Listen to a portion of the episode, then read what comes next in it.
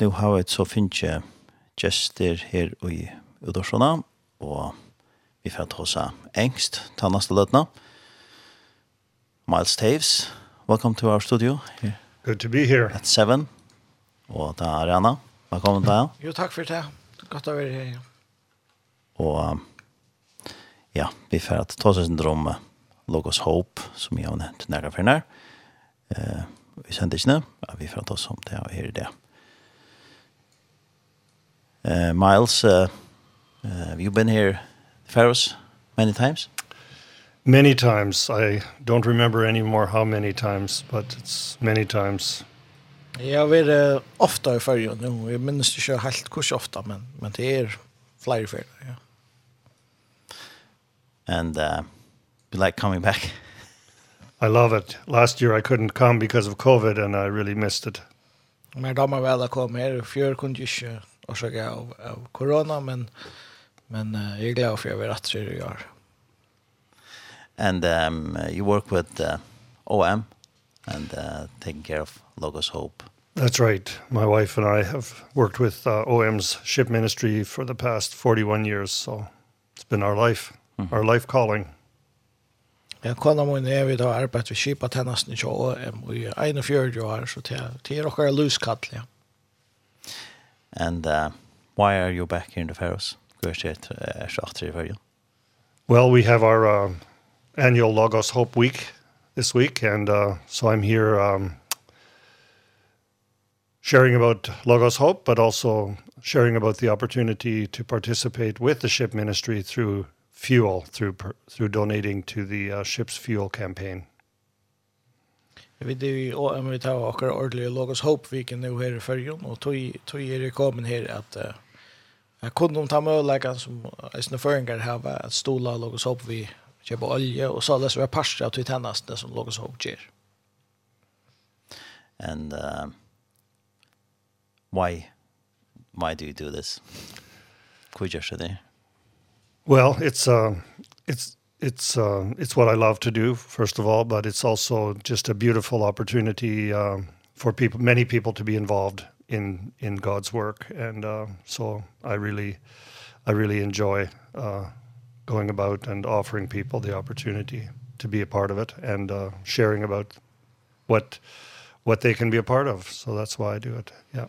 Ja, men då man väl att att geva folk känna och möjligheten att det är en en god tjänst som Lucas Hope ger och Men då man väl at, at uh, Jag var falsk möjligen av deras parstre av til tälast. Jag var en parstre av til tälast. Men eisen jeg forteller dem om det som låg oss upp ger ut i heim. And uh, uh, is it is it needed to do this job? Very much, very much, and uh, especially now that uh, the ship is going to be can start sailing again. You know, the last year during um, COVID, the ship was it was not completely stationary, but they weren't moving the way that we had normally done. So we burned less fuel last year. We needed less fuel, but now we're we're moving to West Africa, crossing the Atlantic from the Caribbean, and uh we anticipate we'll be on the move again, so we'll need uh we'll need to, we need to fill those tanks. Det är ett uh, störst arbete, ett tydningar mycket arbete, till att um, Det krever olje å drekka skip. Og nu, etter seneste året har vi gått nok ikke silt sånn det som, som vi hadde vant av, eller atla, årsaka korona, så vi da lije uh, meira vi i havn. Men nu blir vi datter, vi færre uh, sørstjes mannen, så færre vi et første rom Atlantarhavet, ur Karibiska havnen ut til Afrika. Så nu må vi fylla tangene, rett. So, um, much fuel. Much fuel. Much fuel. How many? How many? Uh, how much money do you need for the fuel? Well, a lot. We need a lot of a lot of money for fuel because it is our largest single expense in the ship ministry. So um, it's a it's a significant total sum, but every year we we try to raise uh, a good portion of that here in the Faroe Islands. Mm -hmm. So people here understand the need for fuel and uh, they understand about ships. So it's just a, a beautiful opportunity. Olja er høvudsutraslan tja, tja skipen og åtta niva. och det kräver nek, kräver nek pengar. Uh, men uh, her i fyrjon, her skilja folk ta De, de kjenner til skip og skilja ta at det krävs olja for reka skip. Så det er, det är en, ett vekkers samspel her i middelen, i middelen skipa tennastna og føringar. Yeah, we're a small country, uh, but uh, can we as a small country be a part of it? It's possible. you are a small country, but a, a country with a uh, with a very large uh, impact on the kingdom of God through uh, sending people and and sending resources. It's uh, really a, quite remarkable the the role that the Faroe Islands has in the missions world. That's very significant and well known. Sjalt om färger är Land så så hade jag stora avskan och i i Richard Goods och ta ta som till Amerika Bay jag kunde sända folk och sända sända penning och annat eh ta det är storverk som vi görs då och för jag log i OM så så røyna vi det eisen samla en, en stor parst av tog som skal til for jeg får ikke oljen og kjøre noe såp i ordførjen hver år. And the Faroese, um, the Lord has blessed the Faroes with abundant resources, but he also has blessed the uh, Faroese people with generous hearts. And I think there's really, people really enjoy uh, participating with the abundance that God has provided. And that's a very beautiful thing. God har vel signa färger och i rysligt mat vi resursen och vi, vi gavon, naturgavon. Men han har eisen var signa folk vi, en, vi gav mildene och det är tydligt att det är glädjast om att släppa att jag brukar det som god har signa det vi och, och geva det vi gör. So we make a difference as a small country also. You make a huge difference, that's mm for sure. And also, uh, not just with the fuel, but also the people you send to us. Uh, our chief engineer on board at the moment is Faroese. We have some other Faroese serving on board. And in all my years with the ships, I, I don't remember a time when there weren't Faroese serving on board. So that's also very significant because you not only send money, you send your best people. So. Jag tror en Genève om att färja göra stora mån till om fram till att sända eh, senda pening og gaver, så senda de eisne. Nekva at det beste folken ut, og vi det har haft bei gåver, er skipere, maskinmenn, og bare skipen, og kjell og såp, og Alt tøy Arne er var ombord, så minnes de ikke at han er det har vært en tøy her, det ikke var en føringer vi skipen. And um, our Marine Superintendent uh, messaged me on my way here, and he said, uh, please, Miles, make it known in the Faroe Islands that we need more engineers. We're right now, we we are looking, we, we have some vacancies, we need some engineers. So if there's anyone out there that uh, the Lord's tugging at your heart, maybe this is something you want to do, be in touch with Daniel. mhm -hmm. Och Lassland och lei är lejmar ena vi att, att se någon där för folk som tar vi är i följande att det är stora törver och sälja maskinfolk och annars är det ju som har seglingstøy og anna, at, mm. at komme ombord, så om det er noen som, som kjenner en kall, eller som har tøy, eller som er hova færa, så, så skulle det endelig sette seg i samband vi, vi året med følgen. So then it's a little bit strange that there always ferries people on, on board Yeah, you know, and uh, small country, yeah, small country, and and this uh, ship, of course, we're sailing now. The Lagos Hope has a very special connection to the Faroe Islands because it was on the previously the Nerona. So most people in the Faroes remember this vessel as uh, connecting you as well. So it's uh, it's also special in that way. But even before that, there's always been a special connection. Mm. Det är ju själva det är ett samband eh mellan färger och skipa tannasna jag alla så falskt som har varit vi men nu är sjön det är vi eh vi tar logos hope i den gamla norrna så har vi ju ett särskilt samband här är vi vi känner till till eh till norrna but are the various people different than other people working on the ship? They are uh, they are um, they are different. They're uh, they're very hard working uh, very faithful. They're they're used to uh, not things always being easy, especially the seafarers. You know, they the seas here are not always smooth, and so what we find is that uh, they're very well suited to the uh, to the work on the Logos Hope, and they find it very easy compared to what they usually do. So that is remarkable. Mm. Yeah, I think that stands out.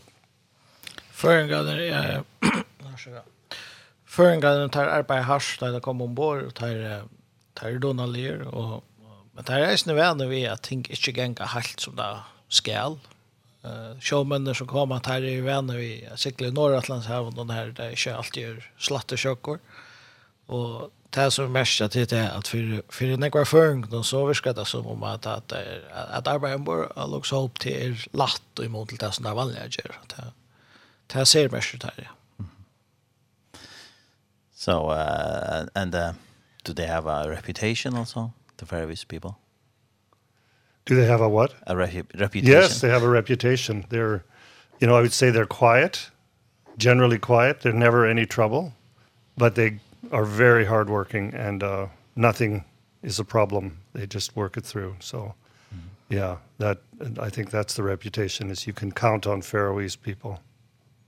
So, uh, tar føringar om bord ber så bedre åra seg for jeg vil at her frilige, hardt, men ikke er en trobla ikke kjell dem, og tar, tar løysa til avbjøringene som de møter. Mm -hmm. And uh, you still need people on board the ship? We do. We, uh, like I said, we, we're, we're particularly needing some engineers right now, but we need all kinds of people. And uh, also Faroese young people would really challenge them to consider coming and serving for a couple of years. It's a tremendous opportunity to learn and to grow also spiritually. Vi har var stor antall av folk ikke særlig av maskinmannen, men eisne, eisne og øren, og, og for jeg er ikke alle ungen som lurer eisne om at sette, sette jeg av tog til affæren til å lukkes opp, det kan være noen måneder, et år, tve år, Så det är en god möjlighet at, at vekse, bare som menneske og at vekse andaliga. We would also like some um, Faroese young people to come to Florence, South Carolina, where I live. We have an office there for the ships, and um, that's where we receive and, and sort and pack the books for the ship. And so we love to have uh, people come for three months there, up to three months, mm -hmm. and help us. So it's a great opportunity to live in America and uh, but to work for missions as well and be a part of it. So that's a very um a good opportunity for people too if they want to get some overseas experience and help out in missions. En annan möjlighet att hjälpa till vid Logos Hope är att komma till uh, huvudkontoret som ligger i South Carolina i USA. Här kan man vara i tre månader. Det är här som eh alla böckerna som färre om våra Logos Hope vill sända till fest och så är det ompackar här. Och det är som möjligt så unga folk att uh, uppleva USA, bygga här några månader och annars att arbeta i mission samstunds. Before we um, go further about uh, Locus Hope, uh, how can people be a part of it uh, and, and uh, send money to Locus Hope Fuel? Daniel, I'll let you answer that, okay? Um, yeah. yeah. Uh, om folk vill jag Vi har vi ju i her uh, innsamlingar og attersen chocken til Logos Hope så kunne det göra en flyting til OM Følger. Og, og bare vi mestja til, til uh, olje eller til Logos Hope så ska vi sända det och göra kontonummer till finna till och för en hemmasyn til om om.fo. alla nya står här i kontonummer jag kan ens läsa där hvis folk ja. har hotla för att en penne och papyr mm -hmm så kunde det här nu så ska jag lycka eh jag kan tog finna det fram. Mm -hmm. Annars är det till ett kontonummer som är i bättre banka. Det vill säga att här börjar vi 1,5 1 fors. Så är det 426 219 2. Alltså 1,5 1 fors 426 219 2. Så kan man göra, man kan göra en engångsgave, eller man kan ståla en fasta flyting, malarliga flyting, og det er den ek som gjør at jeg flytter alt ur halvtrus kroner om måneden opp i oppe i negra tusen kroner om måneden, alt etter hva det er før fire, hva man har hod til, og, og engangsgavene til det samme, så alle er oppe at den har hjulpet. Det er, det er såleis at det kostar Det kostar nek att sikla Logos Hope att dra fram. Det kostar nek att häva Logos Hope öppet här och det vi, vi i havnen. Mm -hmm. um, man säger till att det är en däver om bara Logos Hope. Alltså det här var kyp i öppet kostar 11 000 kronor. Men det svärar till en 4-5 kronor per vidjande som kommer ombord. Så. Mm. Så om man om man tjänar flytting på 100 kronor så är det vad ska jag säga det är biljetten för 20 folk att släppa om bara låg oss hoppa att vitja. Så allt kommer on. Allt allt kommer on. Alltså jag var så uppåt. Ja. Om det lite lite stor uppåt. Ja. Och sen där vis man kanske ger en fast avledning så vi långt den ger det uppåt ceremonin. Det gör det helt säkert. Det var ett år att jag säga att människor löser smajer gör det stora röjer. Ja. Så sagt så en jag hemma sinne och en punkt med för här kan man så finna ett kontonummer som man inte haft möjlighet att skruva ner nu. Ja. Och man ska vi märka.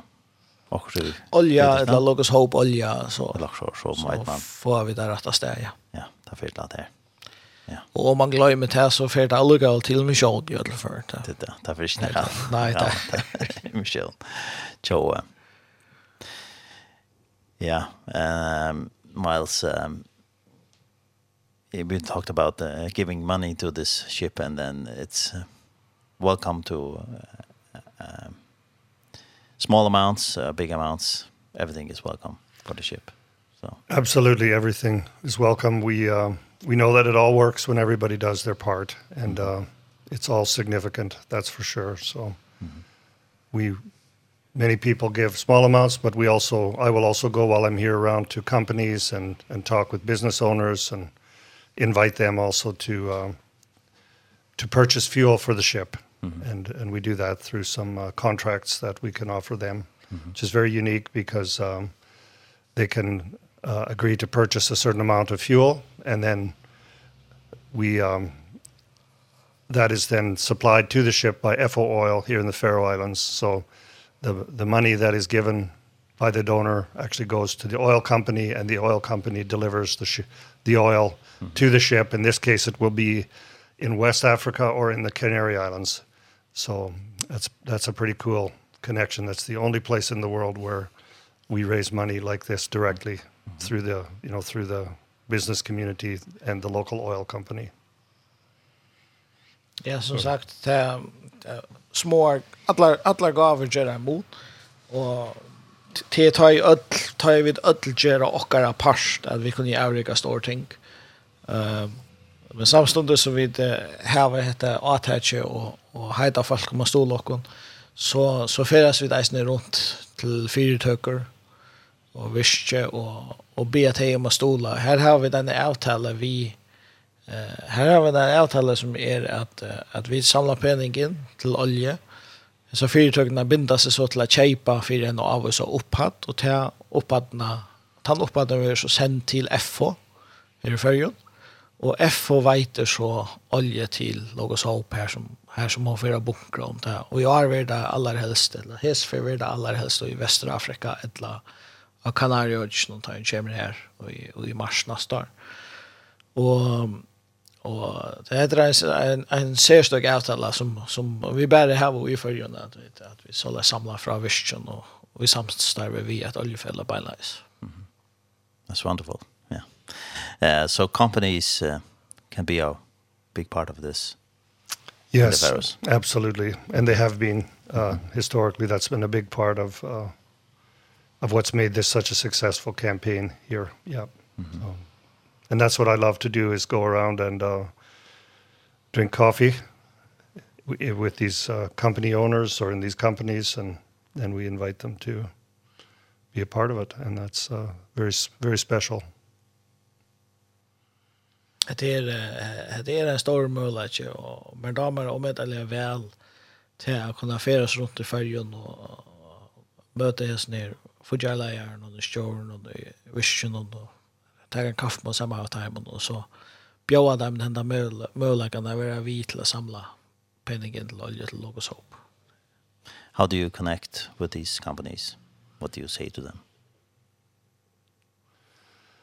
Well, now that I've come for many years, uh, many of them, you know, we have a, a strong relationship with. They expect my visit and uh, mm -hmm. welcome it. But it's always through somebody local that mm -hmm. makes an introduction, like Daniel or other people that I go with. And uh, I, I don't go alone. It's always with a local Faroese person, and it's just a visit, mm -hmm. a conversation, an invitation. And then they decide if they want to be a part of it or not and that's that's good. That's the way it should be. You know they're the stewards of what God has entrusted to them. And uh, we we consider it a privilege to offer but it's also their privilege to participate if the Lord leads them to. And you tell them about the mission. We tell them about the mission yeah, and what their what their investment will accomplish. Yes. Nu har vi nu har er det kom till färja flyg och är så nu nu känner jag ändå vad så folk. Någon och finns just det samband vitt det. Men tar ju tar ju för ut av vilka så det alltid samma vi och grund för en kö som som har kontakt vitt det. Och och så är färg inte ensam att luta vilka och så fortäljer dem om vad det är vi gör och vad det låg oss upp i Eurikar. Och det är en stor förrättare för mig att släppa att jag presenterade fyra timmar om en till det. är jag för att jag timmar kunna bliva parser av hos tjänsten now you said uh, that the corona and the pandemic uh, outbound uh, uh, was last year how it affected the ship. Um, what's the plan for the ship now further in the future? It, is it coming to the Faroes as we talked about before? The um, the immediate uh, plan for the ship is that uh, we will sail to West Africa in November, God willing, and uh, so cross the Atlantic from the Caribbean and then visit three ports in uh, West Africa, Sierra Leone, Liberia, and Ghana. And uh, our mission in these countries is very special. And I would like to share a little bit about that. Ja, ta ta ta första som som Lucas hopp nu här är skrönat till till vi färra till Afrika. Och så spørs det om for til ferie, og det er ikke enn gjødel for. Det første til er så, jeg vet jo i tre London i Afrika, det er i Sierra Leone, og i Ghana, og i Liberia. Det er så fram til omleie av påsken neste år, og men men vi var en helt ett särskilt attack som för Gero i Afrika som vi nästan vill släppa att fortälja syndrom. Now, when we're in those countries, we, of course, will minister to the people in those countries, receiving them on board to buy books and for meetings, and we'll do outreach in those communities. But we also want to inspire and equip them to go with the gospel to more more least reached areas in Africa. Ta vi koma eh til dess landene, hesar havnar så vill jag vi sjå om det tjene ut här med nødgjene og folk som kom ombord. Men vi det ikke eisen i akveit jeg næsta ut mot till att färra longer in vi evangelion in i te, te en opp at minne nådde økene i Afrika. There's a strong church in uh, in Ghana, Sierra, Sierra Leone and Liberia. It's a very strong, mature church and we uh, we want to be part of inspiring them to go with the gospel to a specific area in Africa that's very unreached with the gospel. Till er samkomman i Ghana och i Sierra Leone och i Liberia är terrorstora. Terrorbonar. Men vi vet inte att ett av timon till att täcka evangeliet vissar längre in och i det som vi kallar för Sahelöche som är i Afrika. And those are the those are the countries from Senegal in the west to Eritrea in the uh, in the east, and that's the countries of Mali, Niger, Chad, Sudan, and Eritrea. There's 150 million people living in those countries, and uh, very few are followers of Jesus, mm -hmm. and we want that to change. Sahel-løkje, det strekker seg ur Senegal i Africa even till Eritrea og i Østrafrika, altså ur Atlantarhavn og i Reihavet. Og til, til er det øyne som, som næste vi igjen er Tutsi i Miskland, som vi kanskje mest kjenner fra Tøyen, noen til Mali, eh, Sudan, Nigeria, Etiopia. Eh, her bygger vi 150 millioner folk i hans nødgjøn, og øyelig få av Taiwan er det tryggvandt. So um, there's already a movement in these countries to go with the gospel into this area. We want to come and and fan those flames to be a catalyst to see even stronger movement and we plan to recruit uh we're in the process already of recruiting 40 plus Africans to join us. Mm -hmm. We will inspire and equip them. Many of them we trust will be led of the Lord to invest their lives in in some way in reaching this area. Det är det er langt jeg rørsla og i hesten i kristne afrikanske London om at nå er og øke, og det som vi ikke vil lukke oss håp er at uh, blåsa liv i det nesten som er her. Uh, det som vi vana til er at vi kunne få en fjørd afrikanere som ville binda seg til affære inn i hese gjørtsene, så det kunne komme og bare lukke oss håp uh, og gjerne tog, uh, blive opplært her, få avvenning, få ja, få i mest tål som de kunde bruka och göra. Och så att hese så färre in i detta så hell ötche att bo evangeliet. So we really um we really want to see the reality of life change for these people in the Sahel because we have this beautiful life of Jesus in us. And our brothers and sisters in West Africa have that beautiful life of Jesus in them. Mm -hmm. And we want that for the people in the Sahel and uh we we can all be a part of that. Mm -hmm. The people in the Faroes can be a part of it by sending the ship and that ship can be a part of it because in every meeting we will be talking about this. We'll be inspiring, we'll be equipping. It creates energy, it creates movement. People are called. ter um, vi inser att det ska vara en, en för för i hesa falsk nu så helligt någon alltså vi vi har Jesus är lov i jockon eh det trick var ju i västra Afrika te här Jesus är lov i isär och vi det inte att att vita till te han möjliga till terra som är i så helligt någon nice och där kunde vi till förrjun nice nu en pass ja eh vi att sända logos hope om man här logos hope för en pass att och jag kan ta att alla möten som vi det här var och alla eh alla tilltag som vi har så fär vi att ta om ända törven som är i Sahel och och blå vi att ja blåsa lövet han nästan och så läsa folk få få vit om törven och blåva kalla till affärer in i kyrkan. Mm. So the visit of the Logos Hope to the Pharaohs will have to wait a little longer, but um, hopefully in the future it will happen. Så vi kjenner en kjall og håp til følge, bo i sindra træt. Men vi vågna enn. Ja. It's going to be exciting when it comes. Yes, it will. Yeah. It will be exciting. We're spending the time, Jimmy. Yeah, we're all excited. I was planning to be here with it last, when it was canceled, I was so excited about the ship coming, but yeah. then yeah. things changed. Atladen var at jeg skulle være her ta i, ta i Logsop skulle til fyrja i april i år, fjør, nei. Jeg minns ikke. Det er 20, ja? 20, fjør, ja. Hard to remember. ja, men, uh, men det ble så ikke, nei. Ja, yeah, but we know it sometime in the future. Sometime in the future. so um, all this talk about uh, giving money to oil, uh, we know it's, it's uh, very needed to reach out to all these people. It's very needed and it's... Um, it's it's about something greater, something more. It's not in the end about money so much. It's about what will this help accomplish? Mm -hmm. And that's bringing the life of Jesus to people and that's the most precious thing. And what a privilege that we get to be a part of that. Mm -hmm. Det snur seg ikke nok om pengene, det snur seg om til å kunne veite folk mulighetene å møte Jesus. Og at, at, at, ja, at skape omstøvende fyrir tog. Ja as you talked about, uh, it's very needed for all these people. It is. It is. It's it's a life. It's a matter of life and death. Mm. We know that.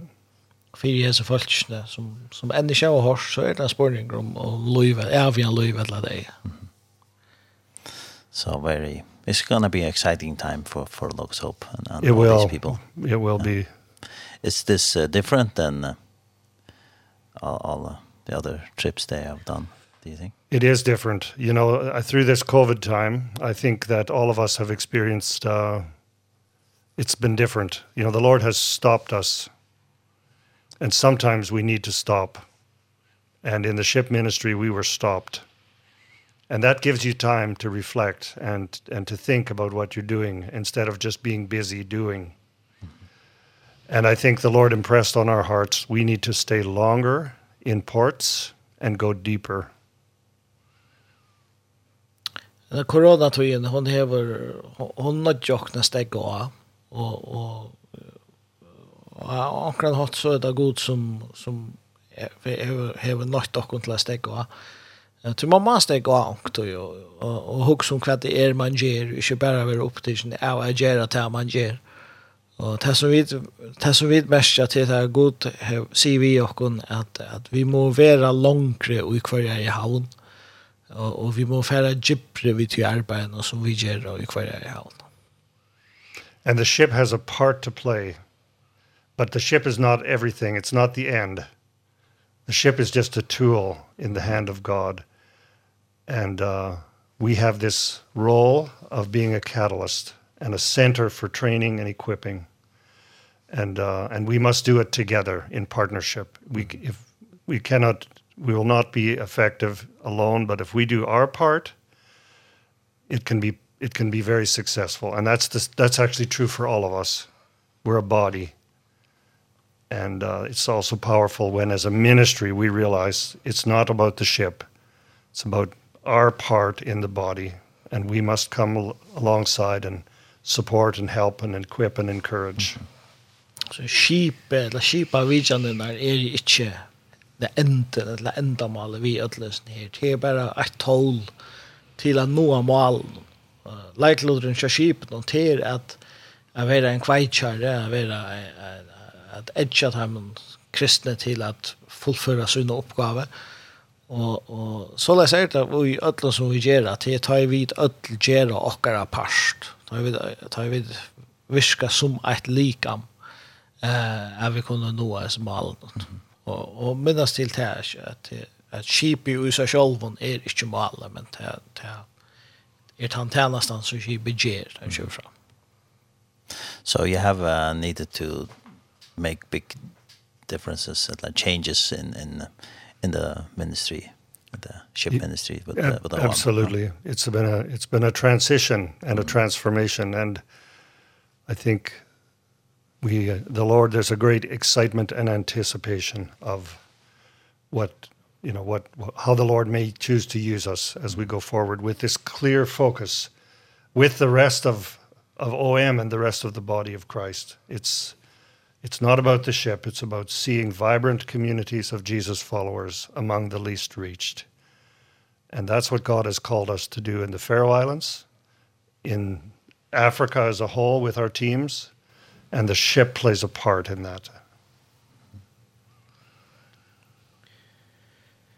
Og det som er det ikke gjør at det er samstar vi lokale samkommer, samstar vi eh, folk av stenen, at noe er som mål. Det er ikke kjipa vi kjenner som er enda mål, men det, vi kunne sammen, altså kristne følger, kunne standa sammen vi, vi kristne i Afrika, vi OM, vi ödlom fällskapen och OM och i att nå det, som är inte att få lågas upp till Afrika men att, att sätta stån uh, fällskaper av, av eller samkommer av folk som fyllt Jesus efter äras den i hem.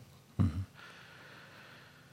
Do you see like uh, see that God is in control? uh, anyway, uh, because of the, all this uh, COVID and absolutely, like absolutely, mm -hmm. yeah, it's we have to he knows what he's doing. He knows what he's doing. We have to trust in him and uh you know the kingdom of God is never in trouble. Mm -hmm. And uh God is the God of history and uh it doesn't mean that things always go well. They don't. But it does mean we can trust whatever comes. We're in good hands. Mm -hmm. We're safe. I believe that with all my heart. It gives me great confidence and gives us confidence as a ministry as well you know, we would have never believed we could survive as a ministry, you know, without active ministry as we're used to. Even financially, we've seen God provide abundantly. Mm -hmm. And it, our trust in him has grown. Og minnes til til god, god helder alt og i sin i hånd. Selv om det virker kaotisk til tøyer, så, så er han i kontroll av øtlen. Han helder støyre av øtlen og, han forsyrer försöker och kontra i Schneevium till jag vet att det är absolut inte klara att jag just tar vi gjør utan en god uh, ser det för og kunne i miskan hat. Ödlös jag og gjør alt det som vi där just. So uh, exciting times. See what God's doing with yes, all this. That's yeah. right. Yeah. That's right. Exciting times. Mm -hmm. Så det är spennende tog, jag. Ja. Yeah. Um, before we close, is there something else you want to add? Well, I just want to say uh, thank you so much um, to you, Torani, but also to the people of the Faroe Islands, because uh, your participation, your prayers, your part, your part in the ship ministry is very significant. And uh, even as I'm here, there's a lot of people praying. In fact, uh, From here, I'm going to lead a prayer meeting with the uh, ship's community virtually, and we're going to be praying for the Pharaohs for this week and uh, sharing with them, you know, the good things God is doing here. So we're we feel very at home here as a ministry with this beautiful beautiful relationship with mm -hmm. with uh, this nation. Og jeg ønsker å si takk, uh, at takka förska folk tacka till er till Erna for det som de gjør, at det är likelot takk alle dem som bia fyrir og vi vet at det er mange som bia, og sett ni det så skal jeg eisen leia et bønarmøte fyrir fyrir kipa tennasna og i OM her fyrir at greia fra hva det hva det hva hender her i fyrjun om det annar og, og til era forrattra kunna standa saman vi tikkun og i hesten arbeid og, og jeg merkja til at OM eh, kjenner seg heima her her i fyrjun nesten mm -hmm yeah, we have a, a message in on, the, on our text message uh, of people. Some people say, uh, I, I read in the fairways.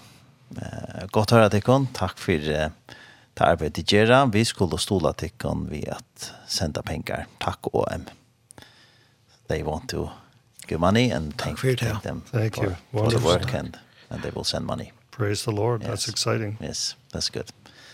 So everything, everybody can be with this. Absolutely. It's it's a shared ministry. Yeah. Yeah. And maybe Daniel will say no uh, before close uh, about uh, how they can give money. Ja.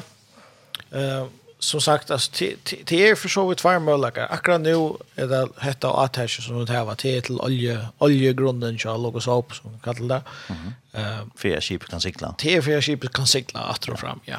Eller så, ja.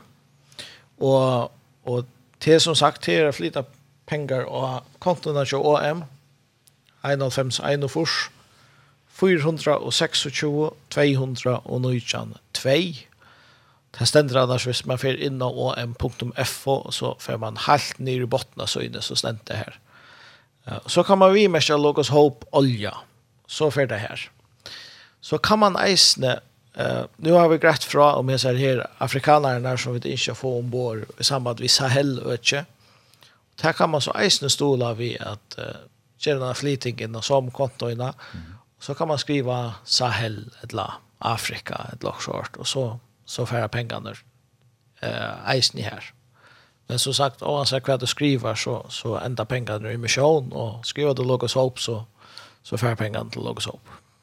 Och hvis folk ivast då i hvordan jeg skulle gjøre et eller annet jeg selv har funnet av det, så kunne jeg alltid kontakta deg. Jag kunne alltid kontakta oss eh efter dere. Uh, atter inn i OM.f og här finner det det mesta som det er bruk for, for jeg får sammen med meg. Annars så får det sin sammen med meg av Facebook om det skulle være. Ja, og jeg snart telefon? Og telefonen, 21, 25, 23. Ja. Det er bare å ringe. Alt er velkommen. Ja. Så er det alt samtøkere. Nästan. Nästan. Du kan alt er din jobba till det. Og i alle fall så kan det. Ja. Titta. Eller at jeg kunne sende et sms. Ja. Det kunne det. Ja. Uh, I will thank you very much for coming visiting us in the studio. Thank you. Thanks for having us. We appreciate it. Miles Taves. I remember how to say. You've you've learned well. Tack för det Ariana. Tack för att du ville komma till Tosca. Ja, och jag tackar. Så tack för att vi släppa framåt. Ja, så är det inte som inte skiljer så länge kan då få allt vi. Ja, det var rätt. Det var rätt. And uh, you have a song request, Miles, before we close. Sure. I would like I love that song um Is He Worthy? Mm -hmm. Or did we play that one already? No, we have not played okay. it anymore. Yeah, that would be great. yeah. I love that song. Yeah. He is worthy. Yeah. Is he worthy with uh, Chris Tomlin? So we fellowship Chris Tomlin. So.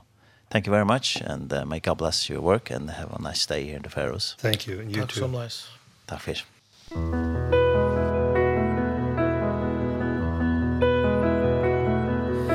Do you feel the world is broken? Do you feel the shadows deepen? But do you know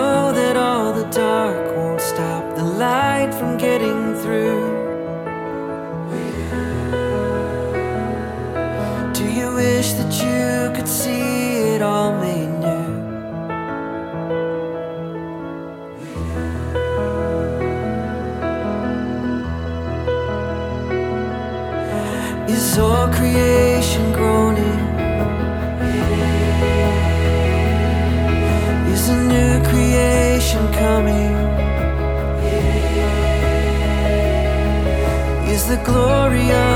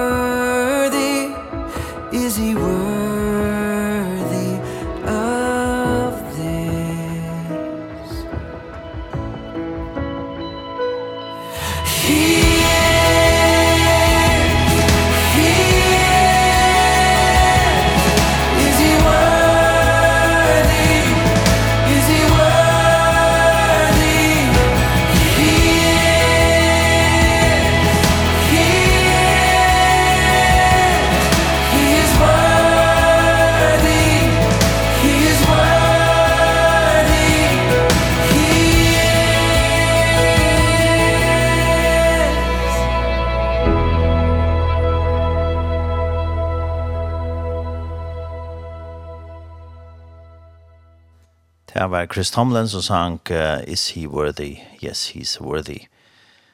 Og um, det var så sangenskje som uh, Miles Taves fra OM eller Lucas Hope som har vi kippat til hans Nigeria til OM og han er vi jokk nere i dem og sammen vi Daniel Arena som er tolka for jokken og det er samband vi at det er Lucas Hope-vika og her det samlet hengar inn til olje, så at uh, skipet kan sikla, og det ser at store tørver av at uh, penninger kommer inn til det, så at skipet kan gjøre den misjon som, som det ikke. Og uh, som uh, da jeg nevnte i Østen, så er det uh, heimasøyen til dem og m.fo. Her finner man flere opplysninger om hvordan man kan stola. Og man skal vi mye Lucas Hope, eller lukkes opp olja i flytingsene, så fer penningen direkte til te.